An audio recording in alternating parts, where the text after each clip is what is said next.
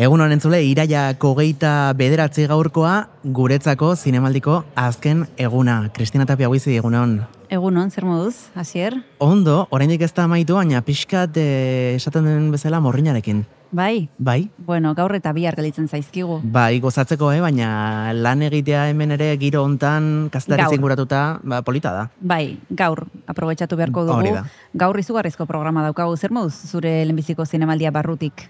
Wow, ba, ba prentxaurrekoren bat kubritzera etorri izan naiz, baina Mhm. horrela e, larun batetik, e, ez ostiraletik, ostiralera, ba, ba, ba ez du sekula egin eta izugarri gustatu zait.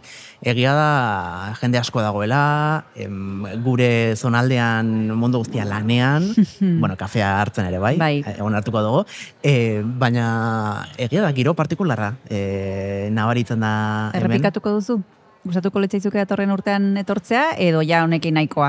Eh, ez, urrengo urtean ere Bai, etorriko gara, vale, ez? vale, vale. Eh, Zure animatuko zara, nirekin batera. Bai, bai, etorriko, etorriko gara. Donostia kulturatik guztien badigote behintzat? Bai, eta zinemalditik eta e, uzten Ah, badigute ba, claro, bai. claro, Zegon bai. gara denbora guztian maila okupatzen, entxufe dun maila bat bilatzen denbora guztian. Bai, egia da hemen jendeak jun eta etorri egiten dela, baina Hmm. gu hemen gaude... Eh? Bai, nahiko, nahiko ordu egon gara hemen. Bai. Baina, bueno, ja deskantzua behar dugu eta bihar hartuko dugu. Baina, orain ikan gelditzen zaigu gaurko programa, gaurko programa bete-betea dator, eta, bueno, segituan hasiko gara. Ispilu beltza. Eta gaurko protagonistetako bat, e, bueno, mm, zinemiran lan gehien ekarri dituen gizona, dudari Mm. gabe. Ez da lehenbiziko aldia bilanekin etortzen dela zinemaldira. Josu Martinez izango dugu gaur gurekin ispilu beltzan donostia kultura irratian. Bilbotarra da, baino e, baigorrin e, bizi dena aspalditik. Eta kasu hontan Bizkar Soro eta Mirande film bat egiteko zirriborroa ekarri ditu. Eta bi proiektuaren inguruan arituko gara gaur berarekin.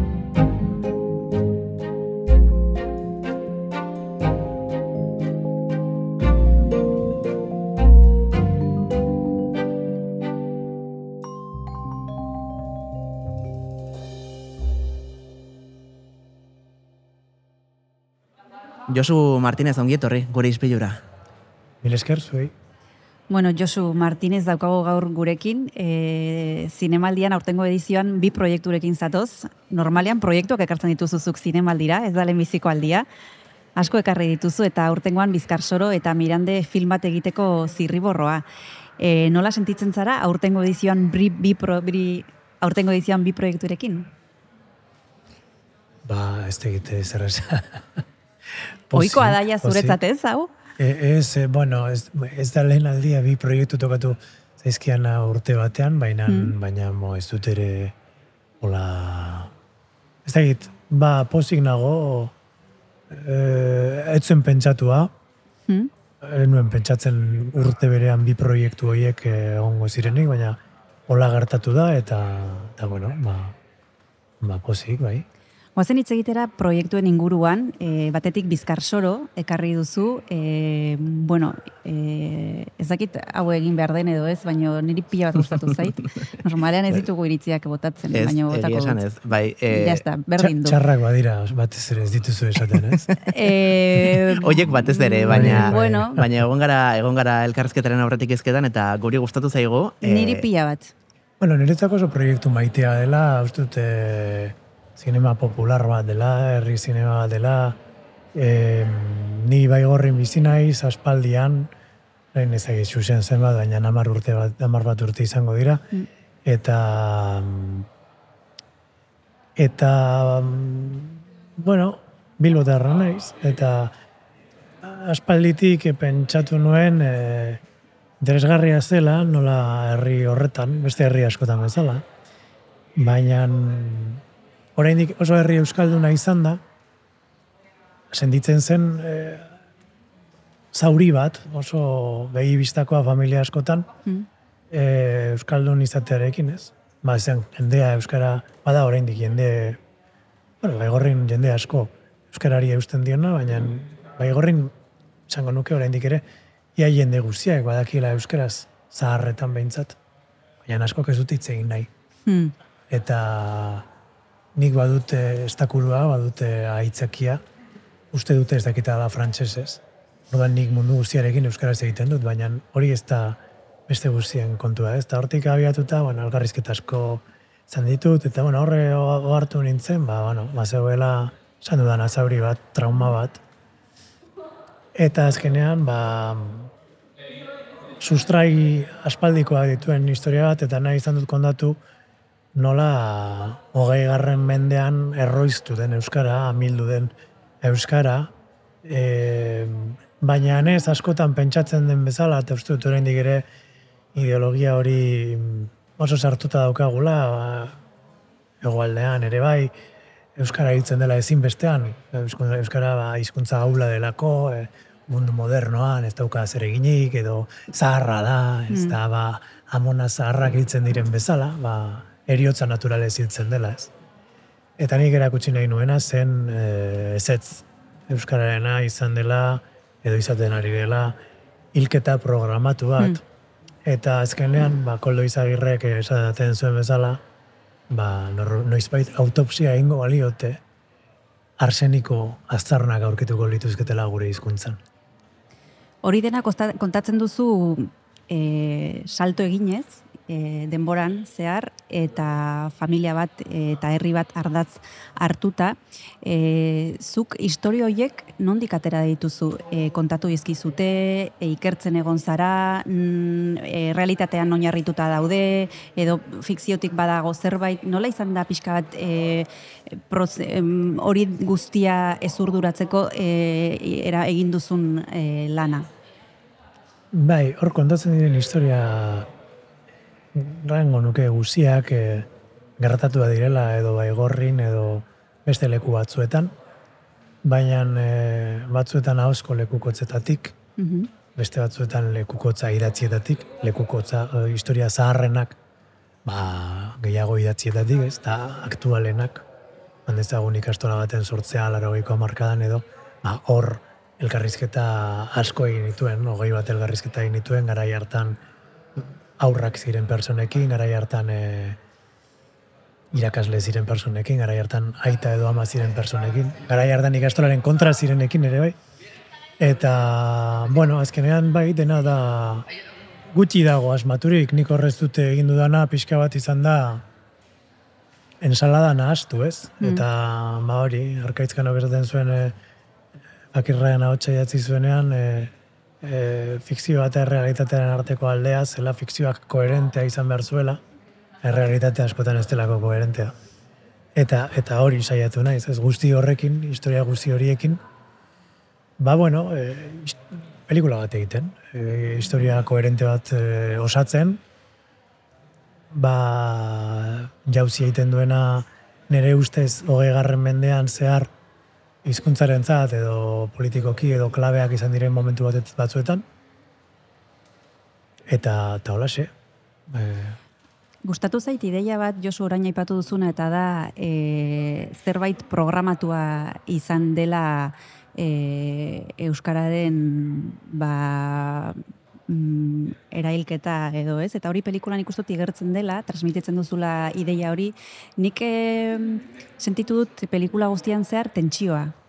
Atal guztietan e, e, tentsioa, baina Osa, mm, sentitzen nun ni neuari nindutela atakatzen. E, ez dakit e, arraroa da, baina ez dakit e, hori voluntarioa izan den, edo hori norberak ero zinemaretoetan ikusten duenean e, pelikula eta hemen e, aukerak daude ere zinemaldian ikusteko. E, uf, e, da gogorra zentzu horretan, ez? E, ze, sentitzen duzu, bueno, sentitzen zara atakatuta denbora guztian hasiera hasieratik bukaeraraino, ez? Bueno, behar bada, ez da egit, eh, hori personala da, behar bada dago lotuta egiazkotasunari, nik uste dute pelikulari esango nuke, nik egin dut esango dut ba, baina baduela egiazkotasun arrasto bat, dokumentalarekin ere baduela lotura estu bat, eta, bueno, ba, behar bada Euskaldun garenok, baina ez bakarrik Euskaldunok. Segurazki pelikula hau munduko beste leku askotan ere oso gertuko sentituko da. Kultura, akulturazio prozesuak egon diren leku askoetan. Mm. Ba, edo personaia batekin edo beste batekin, baina segurazki momenturen batean identifikatuta sentituko garela. Mm. Eta gero ni saiatu naiz hilketa hitz egiten dugu, eta hilketa programatuaz eta bar. Baina saiatu naiz ez egiten honen eta txarren pelikula bat. Mm. Eta azkenean, bueno, hilketa programatua dela Euskararen esaten dudanean, ba, hori da nazio eraikuntzari lotutako prozesu bat. Kasu honetan, Frantziar nazioaren eraikuntzari lotutako prozesu bat horregatik eh, pelikularen azpititulo bezala jarri dugu Eusen Weber eh, soziologoaren esaldi bat esaten duena Frantzia sortua zegoen, baina frantsesak sortzea faltatzen oraindik. Eta azkenean hori da, eh, bueno, Euskararen kontra ari ziren herritarrak ere, edo orain ere, Euskararen kontra ari diren herritarrak ere, irakasleak edo bereien seme alabei Euskara erakutsi ez dieten milaka eta milaka pertsonak Euskal Herrian. Horiek ez diren hori horrela ari. Gaiztoak zirelako edo beren seme alabak puteatu nahi zituztelako. Ari ziren pentsatzen zutelako mesede bat egiten zietela beren e, seme alabei. Eta nik uste dut hori ulertzea importantea dela eta horri buelta ematea ideologia horriz azkenean horren atzean dagoena da ideologia bat supremazista, eh, Moreno Cabrera linguistak esaten duena, supremazismo linguistikoaren ideologia esaten duena, badaudela hizkuntza batzuk besteak baino hobeagoak direla, edo hizkuntza batzuk besteak baino kultoagoak, edo hizkuntza hundiak eta txikiak, eta, bueno, ba, zientifikoki ultra probatua dagoen bezala, hori ez da horrela, hizkuntza guztia berdina dira, gaitasun berdina dituzte, eta daudena dira botere harremanak. Mhm. E, orain, e, bueno, igaroko gara zure bigarren lanera, hala ere, e, Donostiako irurogeita maikagarren zinemaldi honetan e, bizkar soro, e, filma ikusteko aukera izan ez duten herritarrek, ez dakite ondoren e, non e, ikusi izango duten zure obra hau. Ba, helduen astean eh, selekzionatua izan da Donean Eloitzuneko nazioarteko festivalean, Mhm. un Festival Internacional du Film, eta hor izango da. Eta gero hortik aurrera, ba, ez da egit, pentsatzen dut urte astapenarekin edo, e, izango dela iparraldean behintzat zinemetan e, e, egin nahiko genuke itzulia komertzialki eta egoaldean ere, pentsatzen dut egongo dela manera. Mhm. Mhm. Eta bigarren proiektua e, diferentea da. Bai. Mirande filmat egiteko zirriborroa. Nola sortu zitzaizun ideia? hau? aspalditik zeneukan autorearen inguruan hausnarketa egiteko gogoa, e, zerbait konkretua izan zen, e, proiektua piztu zuena, edo nola, nola hasi zenuen? Hau. Bueno, enaiz akordatzen e, e, ze momentutan eraki nuen. Baina bai, Jon Mirande kuadernoren batean aspalditik notatuta neukan izen bat zen. Mhm. Nik de, denek bezala edo adin batetik berako denek bezala Jon Mirande irakurri nuen institutuan eta garaian iruditu zitzaidan batetik e, irakurri nuena harrigarria ipuin labur batzuk eta beltzak eta umore beltza eta oso erakargarria. Eta gero personaiari buruz, e, bueno, ba, institutuan em, gelditzen zaizkizun e, lau titularrak, ez? Ba, pixkat horrekin gelditzen zara, pentsatzen dut gelditzen naiz ni eta pentsatzen dut jende gehiena ere horrekin geldituko zela, ez? Jon Mirande nazia, Jon Mirande pedofiloa, Jon Mirande polemikoa. Eta, bueno, ez da egit momentu batetan berriz hasi nintzen irakurtzen, e, haren inguruan ikertzen, eta zenbat eta gehiago irakurri, ba, zenbat eta orduan eta interesgarriago egiten zitzaidan, eta ez da egit, niretzako evidentea zen kristoren historia ez egoela hor, eta, bueno, ba, nik kontatzeko eh, aukera bat nuen, ba, saiatu behar nuela. Mm. Pero nola egin hori beste kontu bat zen. Pelikula eginala, Josu, bere irudia, e, edo bere, edo zuk bere inguruan zeneukan iritzia, garbiagoa izan da, edo edo lio gehiago gelditu zaizu pelikula bukatu duzunean?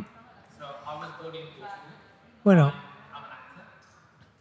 nik ez dut eh, enuen asmoa nabait eh, eh, erantzun definitibo bat Mm. emateko Jon Miranderen inguruan, batetik, eh, bueno, atrebentzia handia izango zelako nire partez, eta bestetik ikusita orain arte nolako pasioak eta nolako eh, en fin, eh, polemikak piztu zituelako, ba azkenean nirea izango zelako beste beste zera bat, ez? Beste Orduan nire jarrera beste bat zen, gehiago merari hitz egiten ustea, ba, erantzunak ematea baino, ba ustea ikusleari bere ondorioak ateratzen.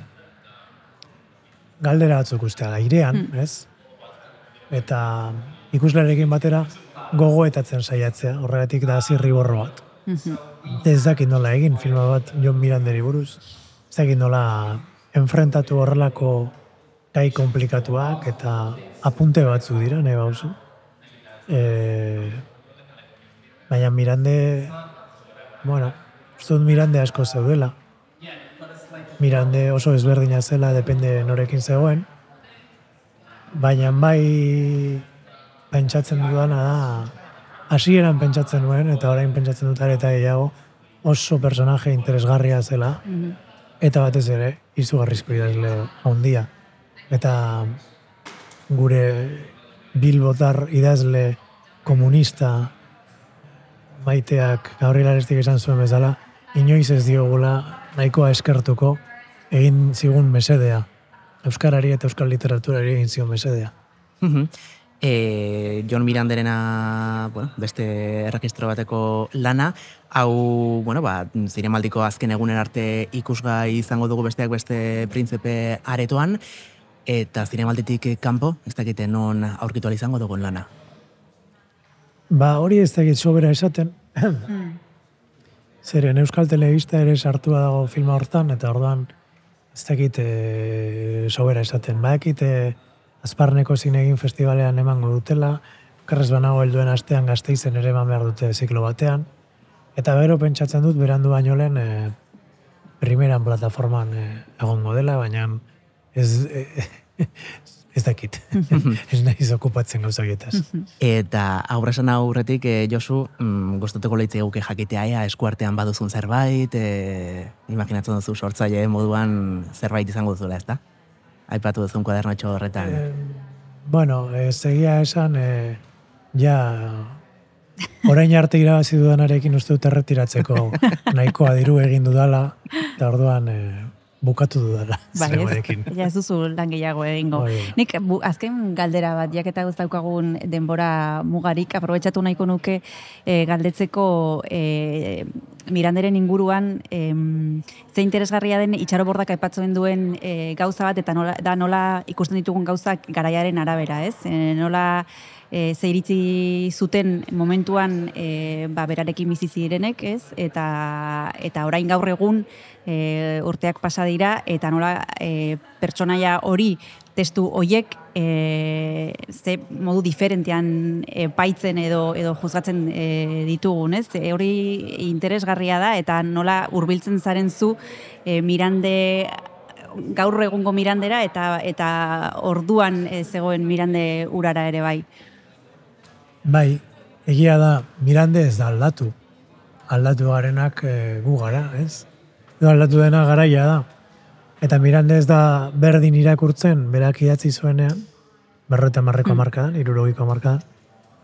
Ba, ez dago, esan beharrik ere, ez zuen lortu poema liburua publikatzerik eta aur besoetakoa ere idatzi eta ama urtera publikatzea lortu zuen, poeta marxista batek publikaturik Bilbon. Esan nahi dut, Mirande garaian, etzen posible. Segurazki urte gutxi be- beranduago, amar urte beranduago edo, idatzi izan balu, zar, zai- zaizar Vitoriak egunero hasten delako idatzi zuenean, eta hortik aurrera, ba, Mirande beste zerbait izango zen euskal literaturan, eta horrela jaso zuen urrengo belaunaldiak, ez, irureta marreko markadatik aurrera, Itxaro, edo Joseba Sarrionandia, edo Bernardo Atxaga, eta belaunaldi horrentzat izan zen errebelazio bezala, ez? Osa, gura aurretik bat zegoen, horako gauzak idazten zituen norbait euskaraz. Orain beste garai batetan gaude, e, gauza batzuekiko sensibilitatea handiagoa dago, pentsatzen dut e, gauza batzuetan ere e, oroar badagoela horrelako puritanismo bat e, gizartean, eta miranderentzat garai txarragoa dira. Hmm. Edo, behar, esan nahi dut, miranderi buruz esaten zel nazia zela, matxista zela, pedofiloa zela, munduko gara txarrena da miranderentzat. Baina, hortaz gain, edo horretatik guztiaz, guztitik aratau, mirande badu zerbait, eta da, irauten duela, garaieztatik landa, e, oraindik ere, bere testuak irakurtzen ditugu, eta emozionatu egiten gaituzte. Onerako edo txarrerako.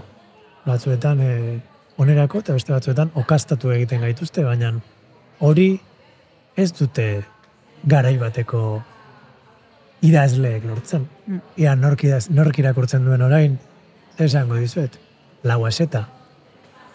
Irakurte da. Edo nahi duzuena, Espainiako literaturan. Eta Mirande gaur egun irakurtzen da, erabat garaikidea balitz bezala. Eta nik uste dut horrek formatzen duela, justuki klasikoa dela, eta idazle gaitza zela. Bueno, ba, esan bezala, Mirande, film bat egiteko zirriborroa eta bizkar soro, dira Josu Martinezek ekarri dituen bi proiektuak aurten e, zinemaldira. Igual, datorren urtean ez da, ez da gehiago etorriko, ze esan duen moduan, kriston diru pila egin du proiektu hauekin, eta ja igual erretiroa hartuko du, baina espero dugu, hala ere, e, gauza berriak ekartzea. Behar bada bolero disko bat egingo dute. igual, igual, nahi dezuna. Suberotarrez. Nahi dezuna. Eskerrik asko, Josu Martinez izpilo beltzara durbiltzagatik, donostia kultura irratira, eskerrik asko. Nahi dezuen arte. Ispilu beltza podcasta entzungai duzu Spotify, Apple Podcast, Google Podcast eta beste hainbat audio plataformatan. Eta zinemaretoetatik katera berri dira Pedro Saldaña eta Janet Diaz eta hementxe dira gurekin e, Donostiako kursaleko kubo txikian izpeilu beltzaren mikrofon aurrean. E, egunon, bikote? Egunon. ¿Qué Hola, buenos días. ¿Qué tal estáis? Muy bien, muy frescos. Fre- Bueno, pues, frescos. Frescos entre comillas, algunos. Viernes y frescos, o sea, vosotros sois, vamos, rara avis aquí, ¿eh? Porque normalmente la gente suele tener bajón como a mitad de festival y vosotros estáis aquí frescos, qué bien. Sí, no, no hay Tenéis ningún, callo, tenéis callo, se nota. ningún día que hayáis eh, dicho, bueno, hoy me lo voy a tomar con tranquilidad. Hay días que te levantas con eso en la cabeza, pero luego se va, va desapareciendo a medida que avanza el día y luego es vuelta a empezar, ¿no? De, uf, hoy me quedo en la cama. Es no, que por un lado igual te- el cuerpo te pide descanso, pero sabes que solo son unos días y que esto hay que aprovecharlo, ¿no? Es como un poco dicotomía, ¿ok? Mm. Sí, eh, Pedro va en sexta eh, y Janet en quinta.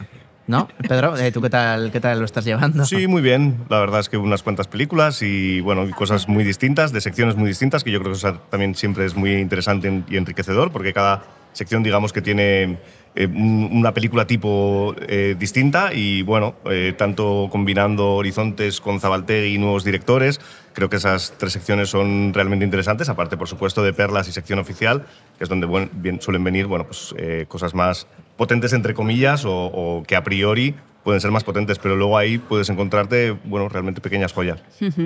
Bueno, pues vamos a hablar de un par de trabajos, eh, los que habéis escogido. No, es, son, no son las únicas películas que habéis visto, eh, pero vamos a hablar de dos películas en concreto. Janet sigue sin salir de Japón. Ayer No. nos hablaba de Miyazaki y hoy nos va a hablar de, de la última propuesta de, de Yui Kiyohara, Remembering Every Night, que no, no voy a decir el título en japonés. Bueno, que por lo si diga, acaso- que lo pues- diga no, Janet. no, A ver si se atreve. Venga, va. Venga. Súbete, no yoru wo omo... A ver, ahí ya me atasco. Omora, omoidasu.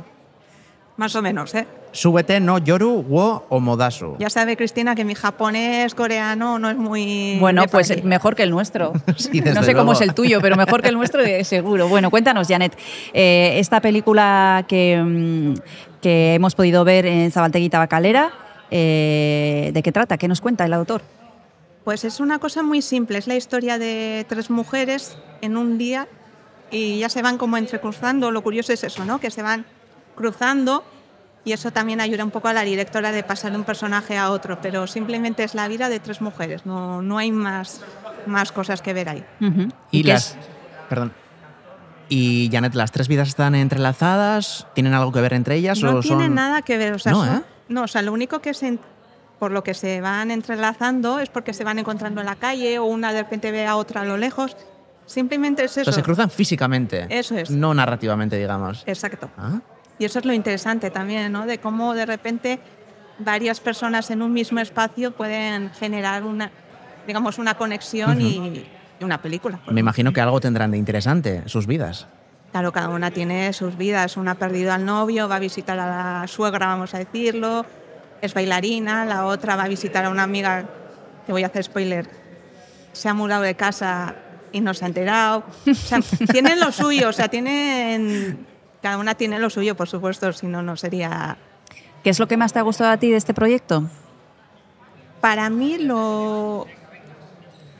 Tiene algo de especial que yo creo que es eso, ¿no? El, el hecho de que sea una historia, un argumento tan simple, una narrativa que no te cuenta una gran aventura, una gran odisea, y que además esté así, ¿no? O sea, que se coja a tres personas de la calle que se cruzan en un momento dado y la directora juegue con eso, ¿no? A mí eso es lo que más me ha llamado la atención, siendo además de Japón, ¿no? Que muchas veces vemos muchas películas tipo anime Sí. o grandes producciones y de repente esta pequeña producción, pues yo la destacaría. Ujú.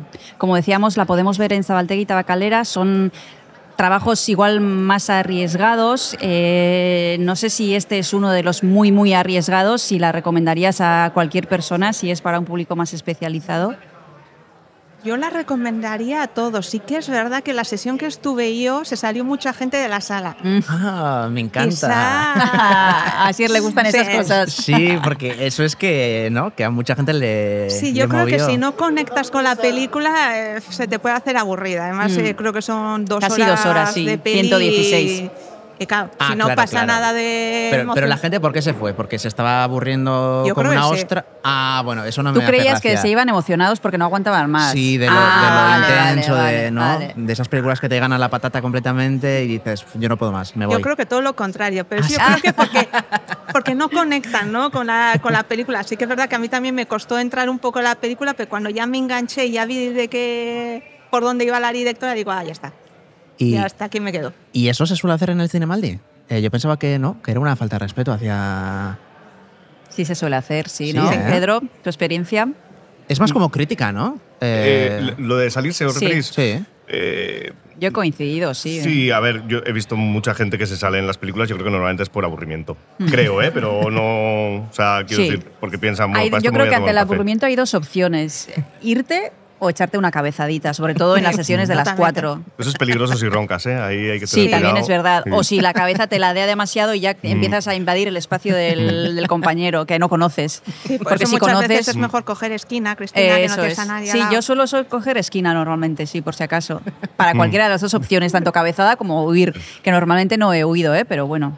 Y no sé si tú, Pedro, en la película que nos has traído hoy, Mm. eh, Fallen Leaves, eh, si también tuviste la oportunidad de ver a la gente No, marcharse. muy- bueno, eh, la verdad es que tampoco me fijé demasiado, estaba bastante esquinado. Pero no, no creo, es una película muy cortita y, bueno, de Kaurismäki, es una Sí. comedia que normalmente se agradecen un montón.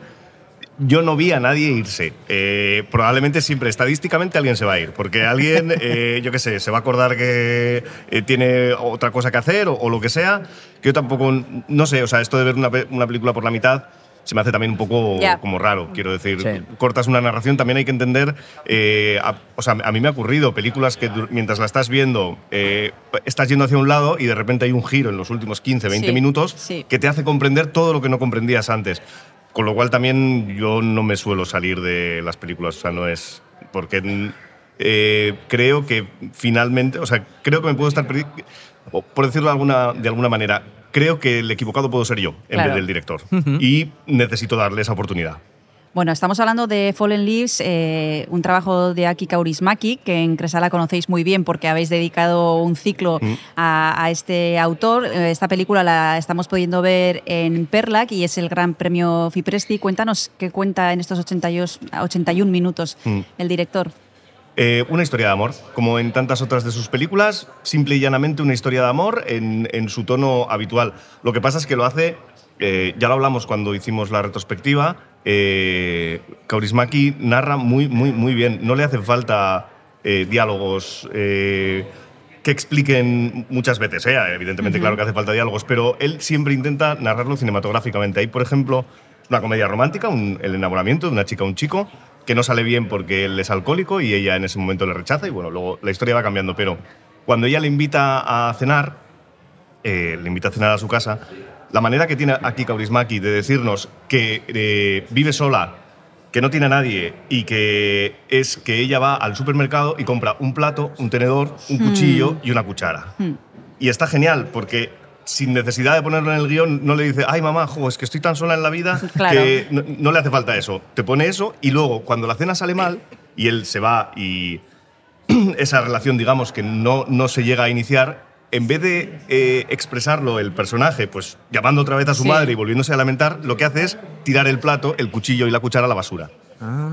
Eh, eh, evidenciando que eh, eso que había iniciado, de alguna manera, no puede continuar. Ya. Ya no va a necesitar ese segundo plato. Y cuando hace esa clase de cosas es cuando, bueno, pues realmente es cuando decimos que es un narrador pues de otra dimensión en el sentido de no le hacen falta tantas palabras para eh, explicar lo que puede explicar a través de imágenes. En este poco rato que llevamos aquí he podido bueno, entrar en internet y sin duda eh, de las cuatro películas que nos habéis traído esta semana, esta es, así a priori, las que mejores críticas eh, he podido ver. Tiene muy buena puntuación en muchísimas eh, webs de, bueno, especializadas de internet. Em, algo de especial tendrá, ¿no? Sí, sí, sí. Yo, yo creo que se trata de esto. Bueno, primero, su cine es muy poco pretencioso, normalmente con perspectiva de clase. eh, suelen- sus protagonistas suelen ser gente de clase obrera, humilde. Eh, digamos que Kaurismäki se ríe con ellos, pero nunca de ellos. O sea, sus películas siempre son comedia y siempre va a poner, digamos que sus miserias eh, al descubierto, pero lo hace con ternura. No, no pretende reírse de sus personajes, sino comprenderles en su, en, en su camino. Hay una frase muy buena en la sinopsis que ha puesto el festival, no sé si es la, sinopsis, la sinopsis definitiva, ¿eh? que me encanta, ¿eh? y dice algo así como, eh, eh, es una historia de amor sobre tal, y sobre la tendencia general de la vida a poner obstáculos en el camino de quienes buscan su felicidad.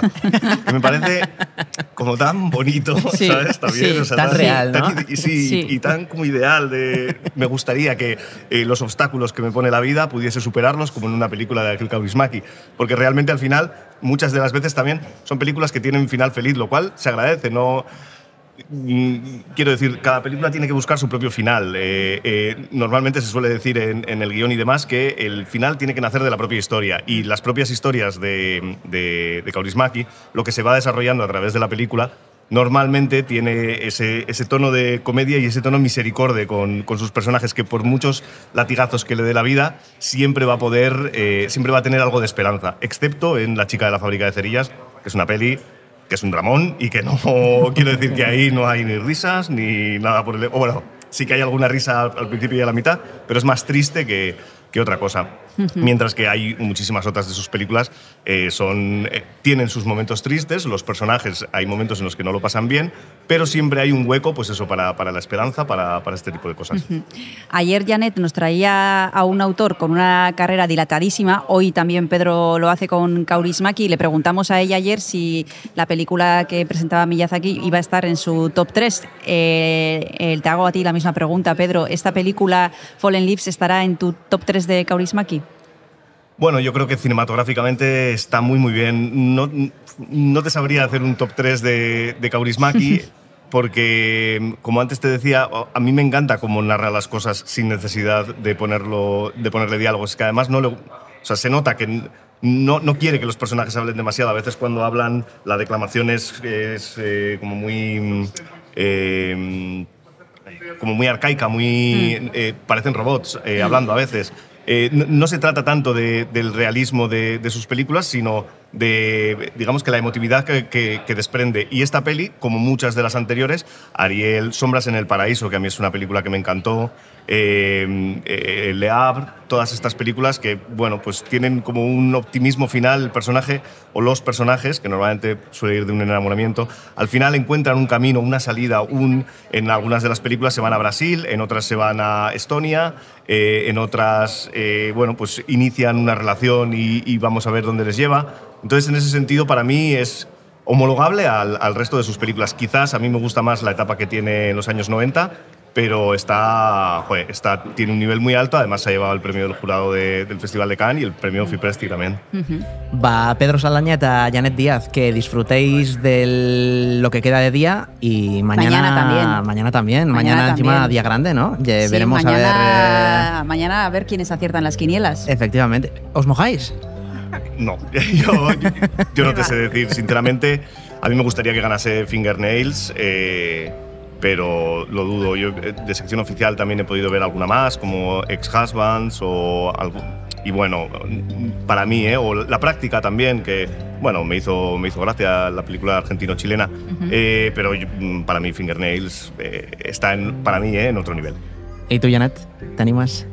Que va, ¿eh? Yo también estaría como Pedro, con fingernails eh, a tope, a ver si se gana la concha, que yo creo que para Cresala, para todo el equipo, sería una gran alegría que se llevara a Cristos eh, la concha, pero no, no me mojo más allá. Bueno, pues nada, esperaremos al sábado y el lunes aquí lo comentaremos. Es que rekasko bikote beste behin urbiltzagatik Bai. izpilu beltzara eta ongi pasa disfrutatu. Agor. Es que